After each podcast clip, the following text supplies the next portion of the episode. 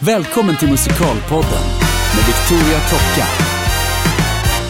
Idag ska jag välkomna till Musikalpodden Micke Littvold. Välkommen! Tack Victoria. Vad roligt att du är här. Ja, detsamma. Ja, Det här är Micke kul.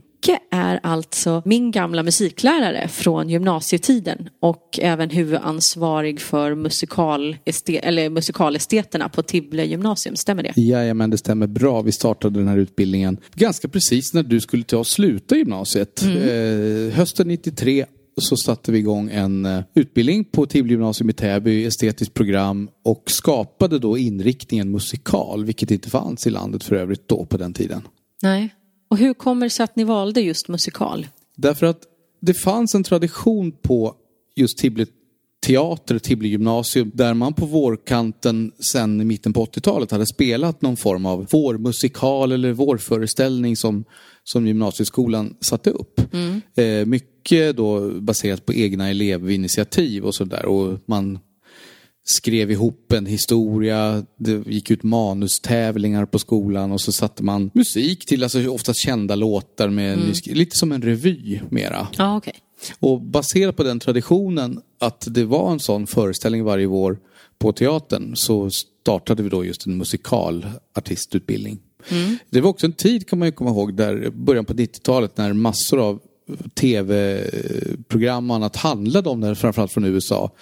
Se- Tv-serien Fame hade vi sett allihopa mot slutet på 80-talet och andra liknande filmer dök upp på bio där folk gick en utbildning i performing arts. Just det. Och det i sin tur sen då ledde till att även i Sverige så blev det här stort. Och det fanns inte innan. 80-talet fanns inga sådana utbildningar i princip. Utan Nej. de kommer här någonstans mm, 80-90-talets början. Så, så börjar sådana utbildningar växa upp lite då. Och på gymnasienivå fanns det ingen förrän vi satte igång. Nej, just Då. det. Men om vi ska backa bandet lite grann, för att du har ju inte hållit på med musikal i ditt eget eh, musikliv förrän då egentligen. Hur började du? Vad, berätta lite om, vem är Micke Littvold? Jo, Micke Littvold är från början en eh, människa som eh, har hållit på med musik i precis hela sitt liv. Jag, jag minns inget annat än att eh, börja jättetidigt med att lära mig spela dragspel först och sen spela gitarr. Och Kommer från Enköpings kommun. Eh, och det var bra att växa upp i en liten stad för att tidigt så började jag spela, ta gitarrlektioner och i kommunala musikskolan och det är en otroligt aktiv musikskola i Enköping. Och vi som då kanske inte var jätteduktiga på idrott hade en plattform också att stå på. Det blev musiken istället och tidigt sen starta band förstås och replokals, eh, blev det av det. Och Ja. man, det går inte att räkna hur många timmar man har ägnat i replokaler med olika konstellationer. Och sen just det bra i en sån stad som Enköping att du får spela så mycket olika genrer för det är samma folk som används till, nu är det en jazzkonsert, då spelar vi jazz. Nästa gång så kan vi eh, göra en konsert i minnet av Johann Sebastian Bach och då det, sitter man där och spelar. Så att man får göra så mycket i en sån stad för det finns liksom ett begränsat urval av människor som kan göra det. Och det gav en enorm grund att stå på. Kom så småningom in på Musikhögskolan i Stockholm. Och när jag var klar där så blev jag faktiskt direkt uppringd och tillfrågad om att ta ett vick på just Tibble gymnasium i Täby. Och jag hade faktiskt egentligen inte alls tänkt att gå ut direkt och börja jobba som pedagog och musiklärare efter den utbildningen. som jag var i färd med att ut och frilansa Ja, okej. och spela. Eh, Men eftersom man visste att hade man fått lära sig på utbildningen att en gymnasietjänst i Stockholmsområdet, det växer inte på trän. Nej. Så då tänkte jag så var det ett vick, det var en kvinnlig lärare som skulle vara barnledig. Som skulle vara borta ett år. Och då tänkte jag, ja men perfekt, då tar jag det här ett år och har en liten sidoinkomst i alla fall. Ja, just det. Men sen kom jag aldrig härifrån utan Nu x antal år senare, är du fortfarande jag, här. Jajamän. Och, eh, och här då någonstans så, så ska vi starta den här, Sverige går igenom en gymnasiereform då, 93. Mm. När man tar bort det här gamla linjegymnasiet och sätter igång program. Just det. Och då vill Täby kommun starta estetiskt program på Tibble gymnasium. Mm. Och då är jag ju precis, har jag jobbat ett år här och får frågan om jag vill vara med och starta upp det och sätta igång. Och, och då tänker jag, ja, ja men det kan jag göra ett år till då. Och så startar jag igång det här. Ja, just det. Och där kommer vi på den här grejen att eh, musik, bild och musikal ska vi ha som inriktningar. Och då är det ju kul just med musikal för att jag kunde verkligen ingenting om musikal just i den här tiden i mitt Nej. liv. Och hade också enorma fördomar om vad musikal var. Ja. Och gick och slängde mig ofta med ett citat av John Lennon där han sa någonting om att när han går på en musikal och när huvudrollen helt plötsligt ställer sig upp och uttrycker sig i sång, då vill han bara spy och gå därifrån och sådär. Och det körde jag också på, för det var ju vidrigt och hemskt och gud vad dåligt att det skulle liksom bryta en story mitt i och sådär. Ja. Då kan man lika gärna gå på en teater istället och bla bla bla. ja, just det. Ja, så att, men så förstår jag ju samtidigt att i den där tiden i livet när du är färdig med din högskoleutbildning och du ska börja ta ett jobb på riktigt. Då måste du någonstans börja bli vuxen. Och börja stå för saker och ting och bestämma dig för vad du faktiskt vill göra. Ja. Och då är det så, ska du undervisa folk som vill gå en musikalutbildning då måste du ju själv ha en aning om vad du håller på med. Såklart. Såklart. Så att eh, då fick jag ju tips av bland elever, bland annat av dig och andra. Ja. Att kolla på lite olika musikaler och hit och dit. Och sen framför allt så började jag åka till London. Ja. Och 90-talet för mig, det var, ibland kändes det som att man hade klippkort alltså på flygen. För att jag och min kollega Anna, som jobbar som teaterlärare fortfarande och som började ungefär i samma veva som jag. Vi hade dålig koll på musikal. Så vi får på varenda sån här fortbildningsvecka eller någonting vi hade med studiedagar och någonting, så fick vi alltid godkänt av skolan att åka till London i och kolla på föreställningar. Ja. Så jag verkligen plöjde föreställningar och lärde mig ganska snabbt att när musikal är riktigt bra, Ja.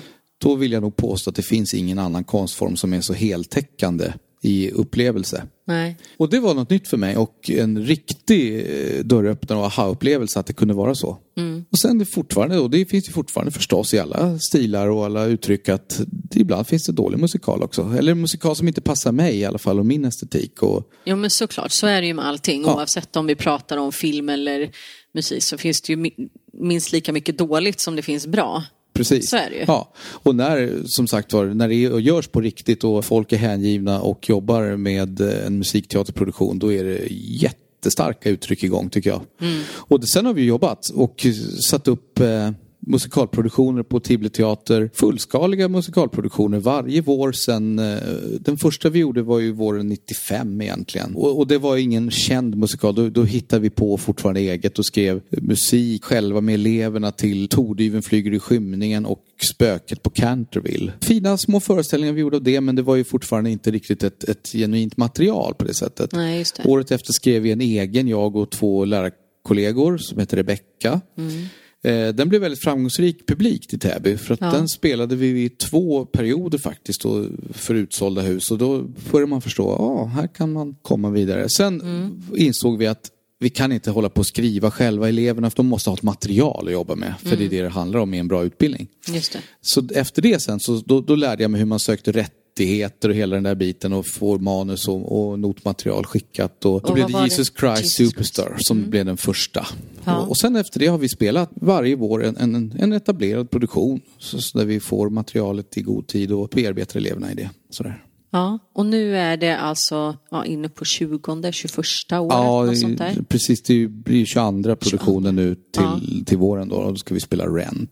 Ja, Kommer vad upp. roligt. Och Rent har ni spelat en gång förut? Ja, vi spelade den faktiskt 2006 också. Men i år är det ett speciellt år med den. Det var därför vi också valde att göra den igen. För att det är, ett, det är 20th anniversary år. Just det. Så att eh, går du in Ja, den och... ska upp på Broadway igen nu. Ja, och den, eh, massa ställen och Mm. de kommer att göra grejer vad jag förstod av, av filmen igen. Den ska upp igen och lite Ja, ut på just det. bios för att den ska uppmärksamma att det är 20 år sedan han skrev den då. När man ska välja en produktion just ja, för en gymnasieklass, tänker du på något speciellt sätt då när man liksom ska välja någonting för ändå så pass unga artister? Ja, det där har ju varit det är nästan år, det årliga stora problemet hela tiden. Eftersom eh, där lärde man sig ju ganska snart att den stora begränsningen är ju hela tiden vad du får rättigheter till. Produktioner som är lite aktuella på något sätt, det, det är ju alltid stängt. Det får ju inte vi som skola eller amatörgrupp några rättigheter till. Nej. Så det är svårt hela tiden att hitta då, ja, det som förlagen släpper att vi får göra. Det. Så det är det största hindret hela tiden. Vad får man göra? För jag har ju till exempel då, ända sedan 98 sökte jag första gången Chicago Ja. och jag har alltid fått nej. Ja. Och nu blir det så varje år att jag gör slentriansöker Chicago. Det första som görs. Varenda år så söker jag Chicago och får nej. Då tänker jag någon gång, Tradition. ja, någon gång så kommer de säkert säga ja. Då kommer du få en chock säkert. Ja, säkert. Ja.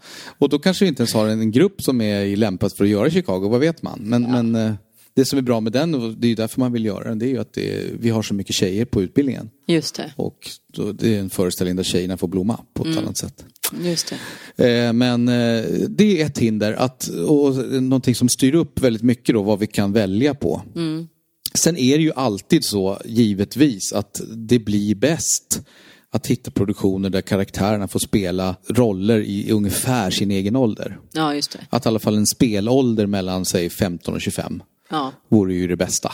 Men ibland går ju inte det. Ibland så faktiskt måste man titta lite förbi det också.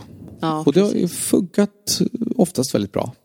I Ja. alla fall för den här publiken vi har, så, så köper man läget. ja, men det tror jag. Ja. Men visst är det absolut bäst när de får spela ungefär karaktär i sin egen ålder. Men vad tycker du är det viktigaste om jag tänker sådär med musikalprogrammet, den estetiska linjen på gymnasienivå. Vad är liksom eran uppgift, förstår vad jag menar? Med, för jag kan ju tänka mig att ganska många av de här eleverna kanske inte ens går vidare sen och söker vidare till någon annan utbildning utan man gör det bara på gymnasienivå. Medan det också finns flera som har gått vidare till andra utbildningar och som är ute och jobbar professionellt nu. Och hur ser du på din uppgift som lärare och, och vad får man ut av, av att gå estetprogrammet redan på gymnasienivå om jag säger så? Då? Ja, jag förstår precis vad du menar.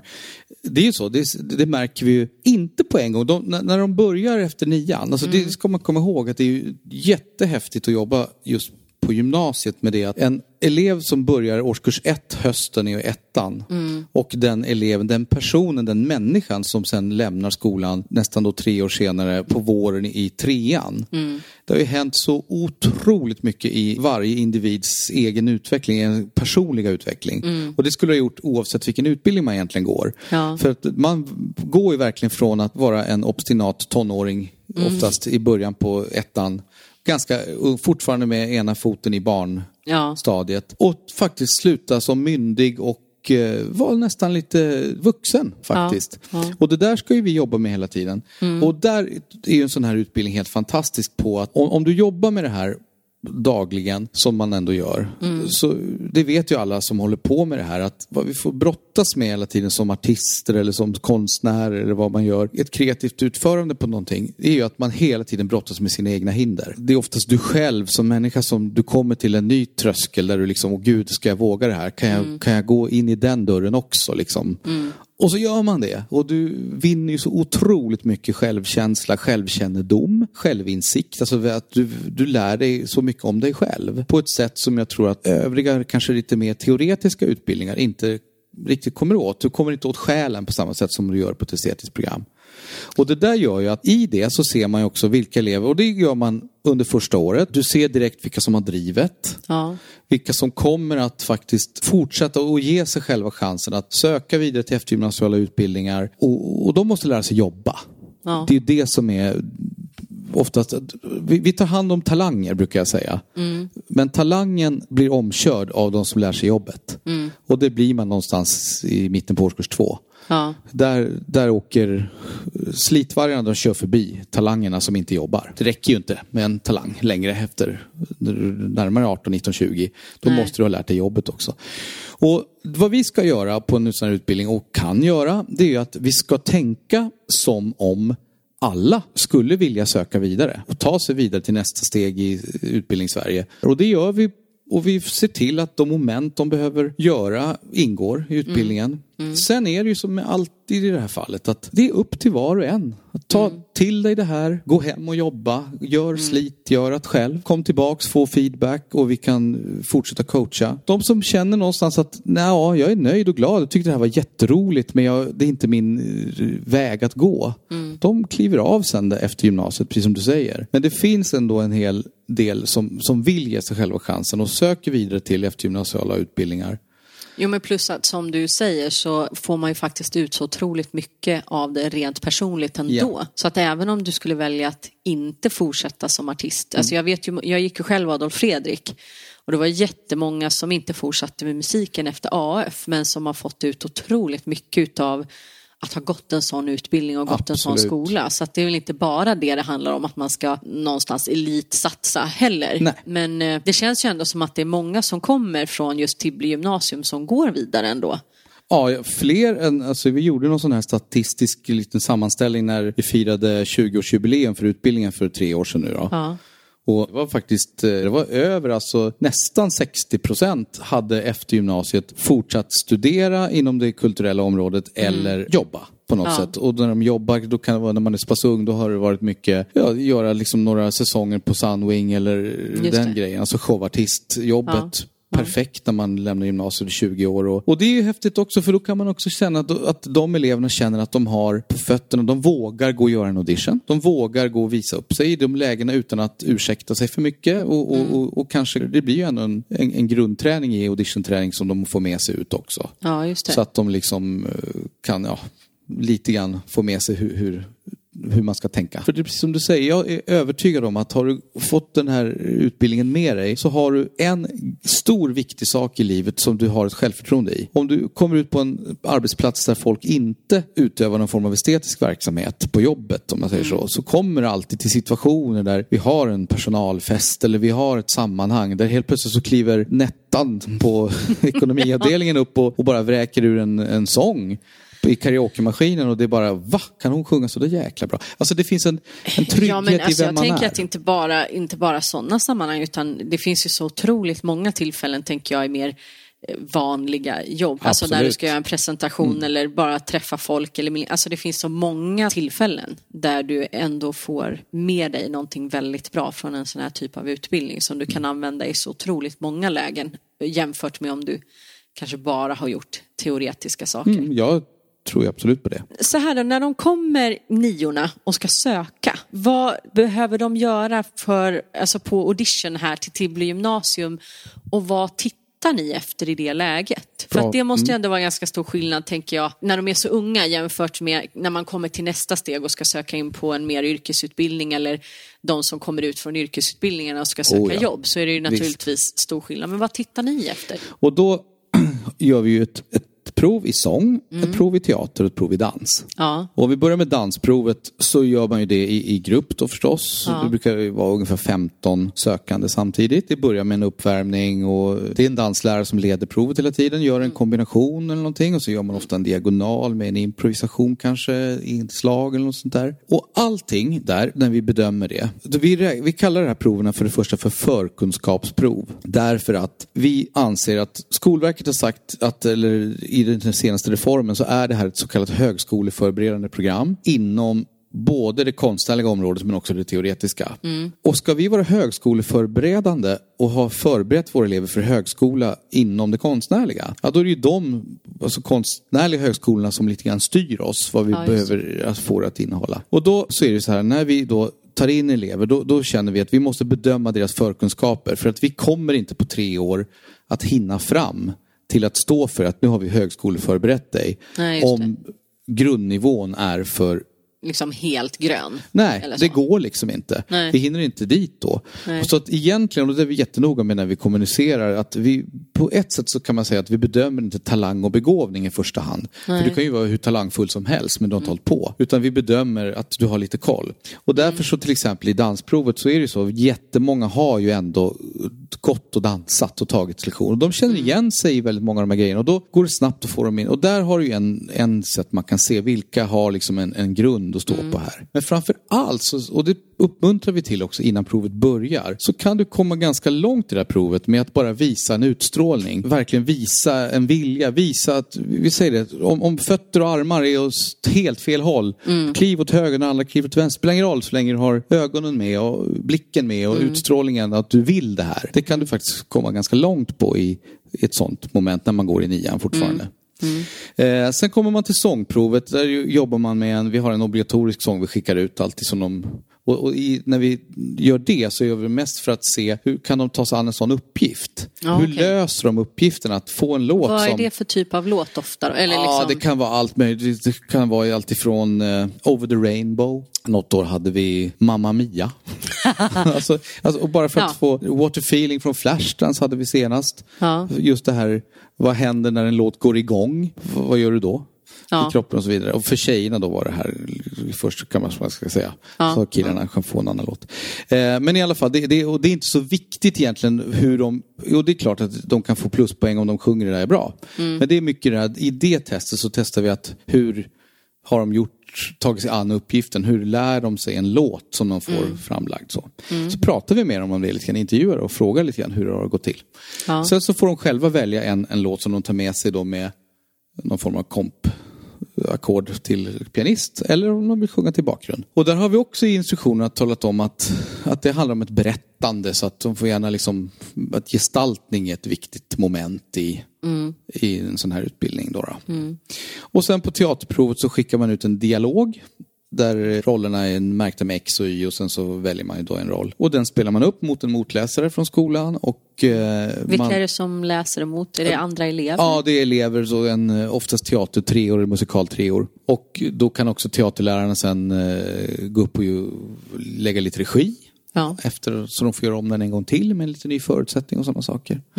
Men även där så handlar det om mycket mer att hur har de tänkt kring scenen? Finns det någon sån där liksom, ett teatertänk, ett dramaturgiskt tänk hos dem? Att förstår de vad de ska gestalta överhuvudtaget? Och vi pratar mycket egentligen mer omkring proven och, och när vi ställer de frågorna så får man nästan viktigare svar ibland än vad de egentligen utför. För det ska man komma ihåg, alltså, man är väldigt ung när man är 15 år och söker. Ja, gud. Men du som har rest och tittat på så himla mycket musikal också. Har du någon favoritmusikal? Eh, ja, det har jag ju någonstans. Just nu så skulle jag säga, alltså, alltså Book of Mormon såg jag ju senast, som, det var den senaste jag såg som jag verkligen var helt överlycklig när jag gick därifrån. Eh, det är egentligen inte min typ av musikal i grunden. Jag tycker mer om de här eh, Les Misérables, Wicked, alltså, som har en annan. Men, men alltså, Book of Mormon tycker jag är helt genial. Jag tycker att eh, den innehåller hela musik eh, eller musikalgenrens också alla uttryck på något sätt. Eh, humorn förstås, skruvat, utmanande, provocerande som det är. Så det, just nu, men sen så är jag ju liksom, jag älskar fortfarande Les Misérables, jag älskar Kristina från Duvemåla. När man berättar en historia på det sättet, jag gillar de här. Jag har haft otroligt svårt kan jag säga under senare delen av 90-talet och sen 10-12 år framåt med alla dessa så kallade jukebox-musikaler. Allt ifrån We Will Rock You till Mamma Mia till uh, Billy Joel-musikalen till, det, det finns ju många som Ja, det helst. finns väldigt många Ja. sådana. Ja. Och, och där man syr ihop en otroligt grundhistoria på, Bara för att det ska funka. på, på kända egentligen. hits. Ja. För då funkar inte musiken tycker jag heller. Jag tycker att musiken i en bra musikal Ja, men Wicked är ju genialt skriven av Steven Mm. Schwartz. Det är så bra så att där varje liten ton förstärker Mm. känslan och det som ska sägas och göras. Och, och det är skillnad i verket då. Då har man ju skapat utifrån ett annat perspektiv. Och den är ju nog egentligen, alltså när man kan tänka på hela genren för mig, alltså Wicked, den är så otroligt intelligent. Alltså det manuset, det är om man då kopplingarna till Trollkarlen från Oz och hur man gör det, det är så snyggt. Det är så Ja. bra gjort.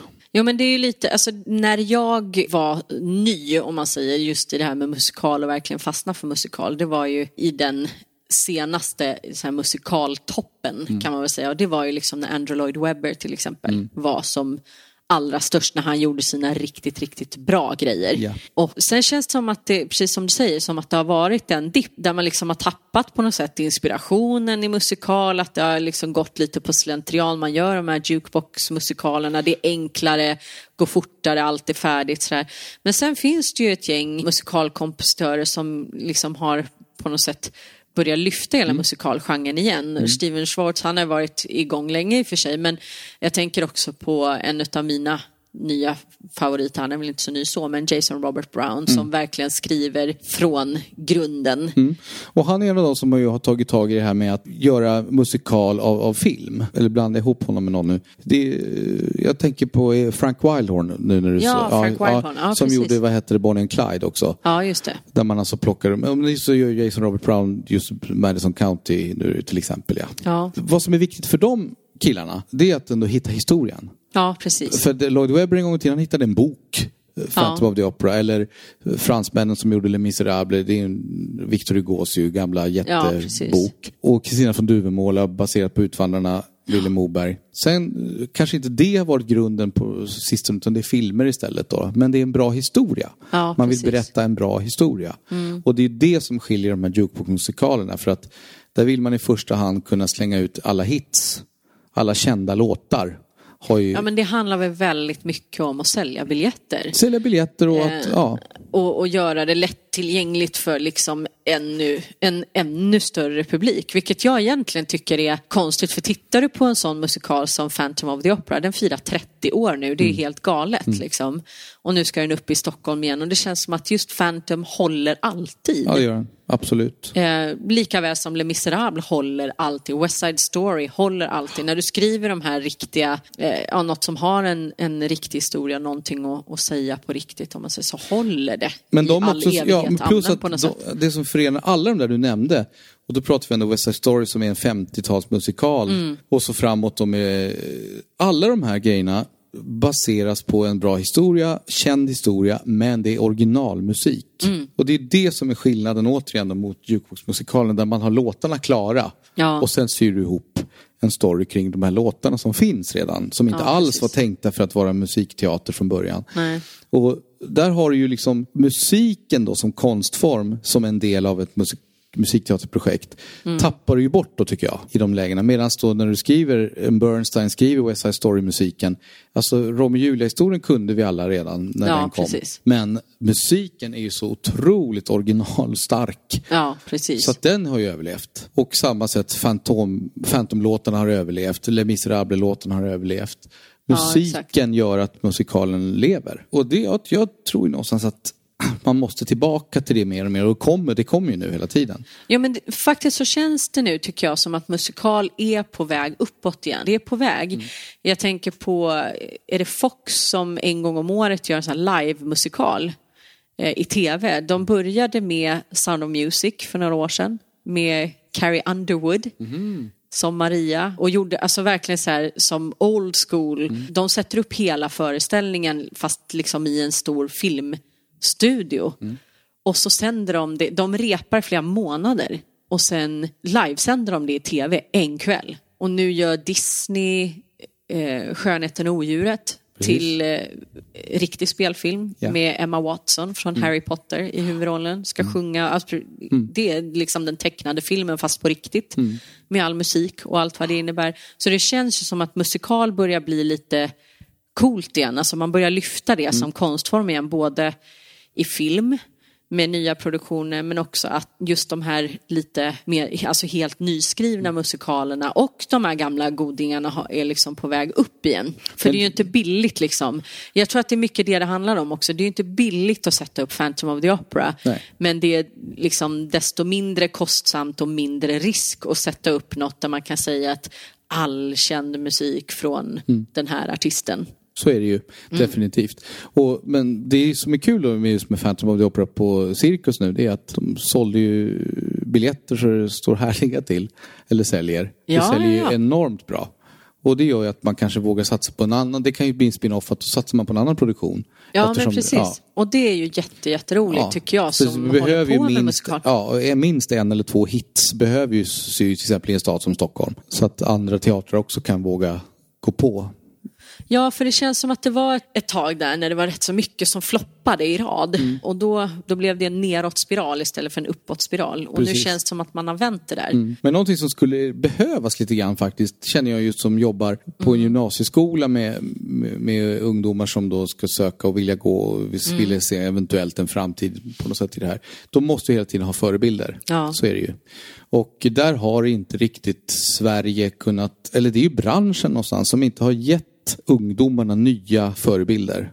Utan det är lite fortfarande så att det är de som var unga musikalartister i början på 90-talet som Peter till exempel Jöback och några till som vad heter fortfarande på något sätt är våra musikalstjärnor och fixstjärnor inom genren. Och det måste man på något sätt hitta eh, nya fixstjärnor som är yngre om vi ska ha en återväxt. För Men att, där tycker jag att mycket faktiskt ligger på media. Att det är mycket deras fel faktiskt. Mm. Ja.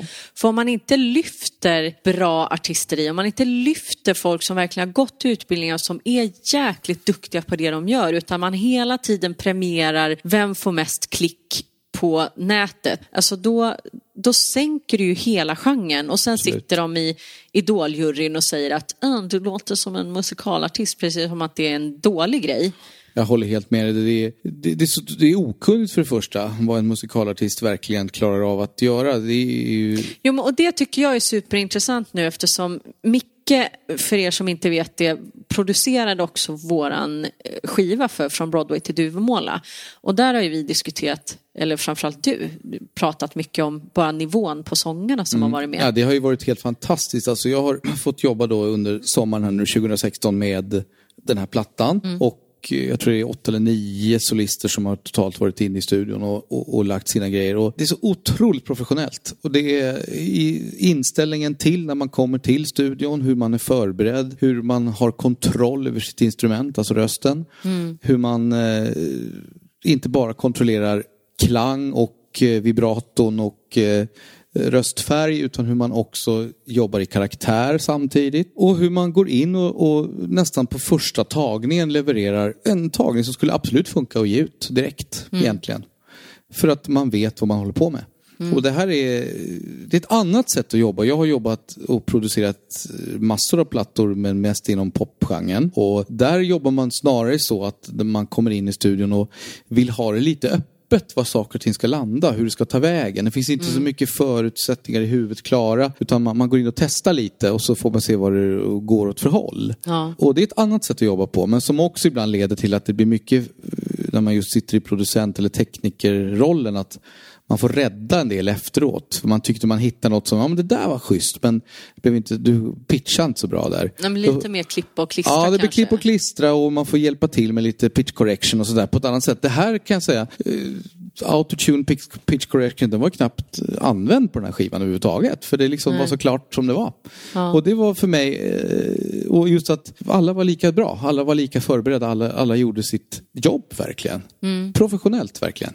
Är det. Mm. Jo, men och då och är det en- här 8-9 stycken av och vi skulle kunna hittat 8-9 till och 8-9 Ja, till igen. Ja, alltså, vi har en absolut. sån flora av begåvade, duktiga, utbildade yrkesmän och kvinnor i, inom musikalvärlden i Sverige egentligen. Men som vår bransch och media framförallt som du säger inte vill lyfta. Och därför istället får spela ensembleroller och annat medan vi skulle kunna lyfta alla produktioner rejält med rätt folk om man vill. Där har du skillnaden om du åker just till England och tittar på en musikal så har du ju aldrig att du ser att man på en affisch i tunnelbanan eller när du kommer till teatern ens stora bokstäver på vem spelar rollen. Utan du åker och ser föreställningen. Precis, får du säljer veta- varumärket. Mm. Du säljer varumärket. Du får veta samma dag att Elphaba i Wicked spelas ikväll av. Och så får Ja. man ett namn. Ja, det var en tjej, jag inte vet vem det är. Men det spelar ingen roll.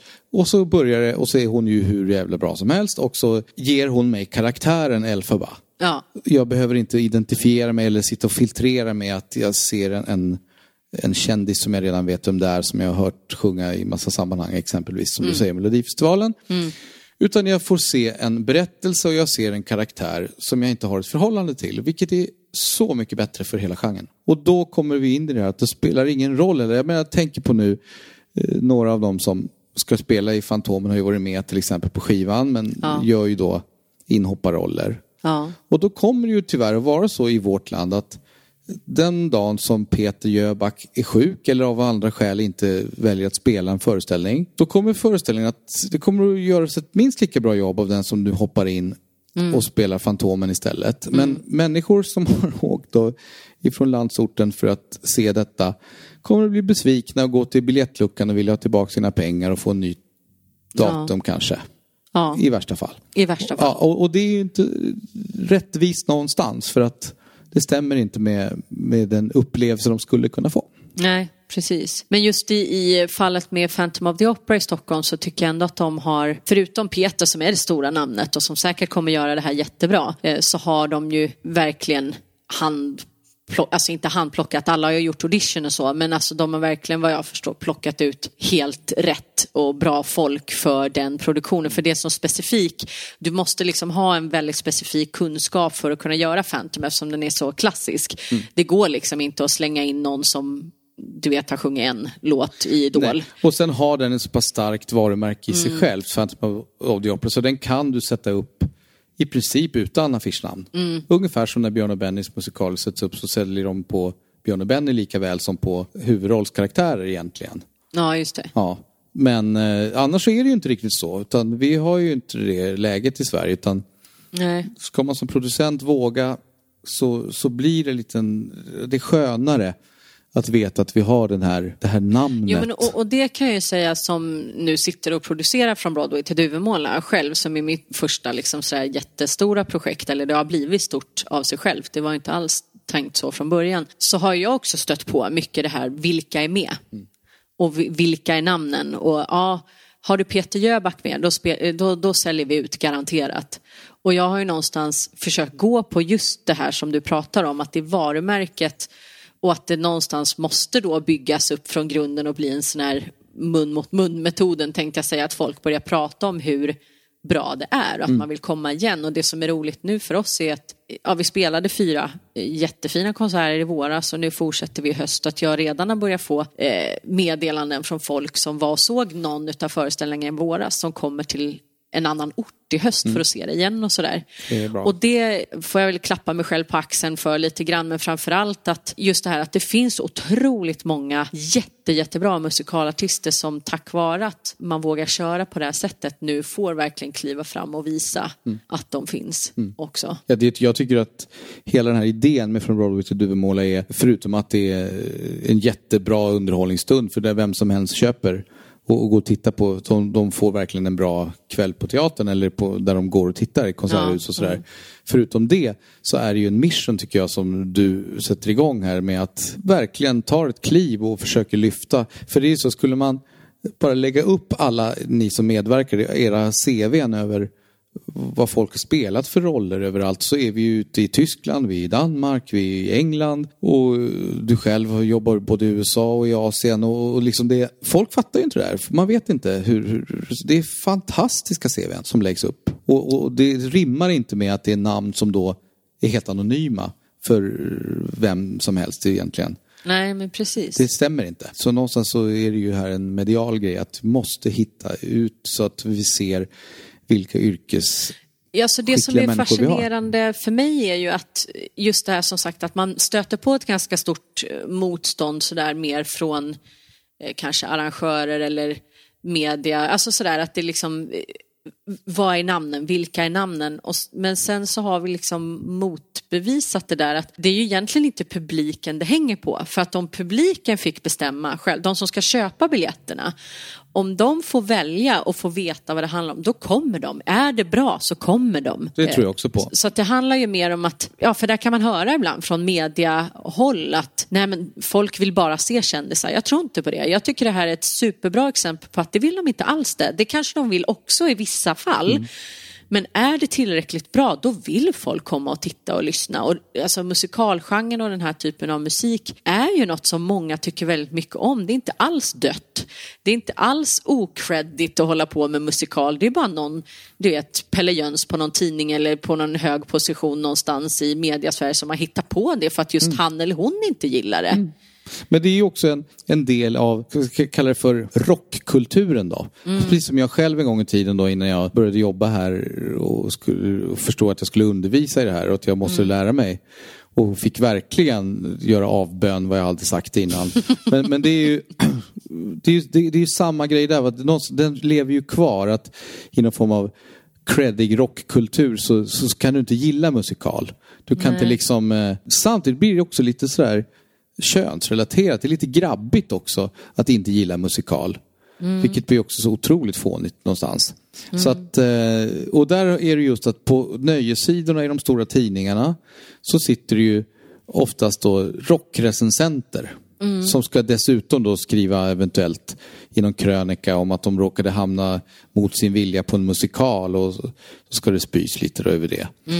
Så att någonstans så får ju den typen av tyckare ganska mycket medialt fokus. De får Ja. ganska mycket utrymme Ja. att säga de här grejerna. Och, och det ligger i, i rockkulturen att inte gilla musikal. Det kan, där kan man ju höra också att, ja, fan, jag var såg på den här grejen och det var ju rätt bra faktiskt för, för att vara musikal. Jag gillar inte musikal. Det Nej. säger ju alla som går omkring med en elgitarr på ryggen i princip. Nej men det, det är lite synd det där att ja, jobbar emot varann också i de olika... Vi har ett litet land, vi har, vi har en liten marknad. Ska vi fylla våra teatersalonger och konsertlokaler så måste man att motarbeta varandra hela tiden som det görs. Nej, men jag tänker också om man tittar på, precis som du var inne på det här med återväxten och sådär. Många, alltså det har poppat upp många fler gymnasieprogram med estetisk in, alltså musikalinriktning, många fler yrkesutbildningar. Alltså det är ganska mycket nytt som poppar upp och för mig så visar ju det på att musikalintresset ute i landet är ju ändå stort. Det är många som vill hålla på, det är många som är intresserade. Det är det. Och sen finns det några sådana här sköna eh, jag tänker på till exempel Säffleoperan, alltså amatörgrupper som hela tiden funkar och lever och som engagerar massor av människor lokalt i olika återkommande uppsättningar och sånt där. Det sånt där är ju jättehäftigt alltså. Och att fler får chansen att, att vara med i det. Att gå en sån här utbildning eller att göra en sån eh, uppsättning med alltså, amatörteateruppsättning och massa människor lokalt engagerar sig. Så vad det ger dig som människa. Det, Och vi måste hela tiden återkomma till det tycker jag. Det behöver inte alltid vara att du kaching så är du den nya stora stjärnan på stjärnhimlen. Utan det behöver inte vara där vi hamnar. Utan det kan vara att du har fått en jättekick, en jätteupplevelse. Och det är det viktiga. Det har varit jättekul att prata med dig idag Micke om musikal, musikalutbildning på gymnasienivå och musikal i allmänhet helt enkelt. Och jag vill passa på att tacka dig en gång till för att du har producerat våran skiva och gjort det så himla bra. Och tack för allt du gör för musikalgenren med alla dessa ungdomar. Jag tycker det är jätte, jättekul. Tack själv verkligen. Jättekul att vara med i detta. Ja, Ja. I, ja, i din podcast. Ja. Väldigt roligt. Tack, Och den är också en sån, vill bara säga det, i din mission som du ändå har med allting så är det också en jättebra grej. Att Ja, det här kommer roligt. ut och att alla de människor som folk får lyssna på som du har träffat nu. Och det är jättehäftigt. Ja. Så vi hoppas att ni som har lyssnat på den här podden eller något av de andra avsnitten eller alla eh, har fått ut något av det och tycker att det är kul och bra. Ni får gärna höra av er och tala om vad ni tycker. Tack så jättemycket Micke Littfold. Tack. Musikalpodden med Victoria Tocka.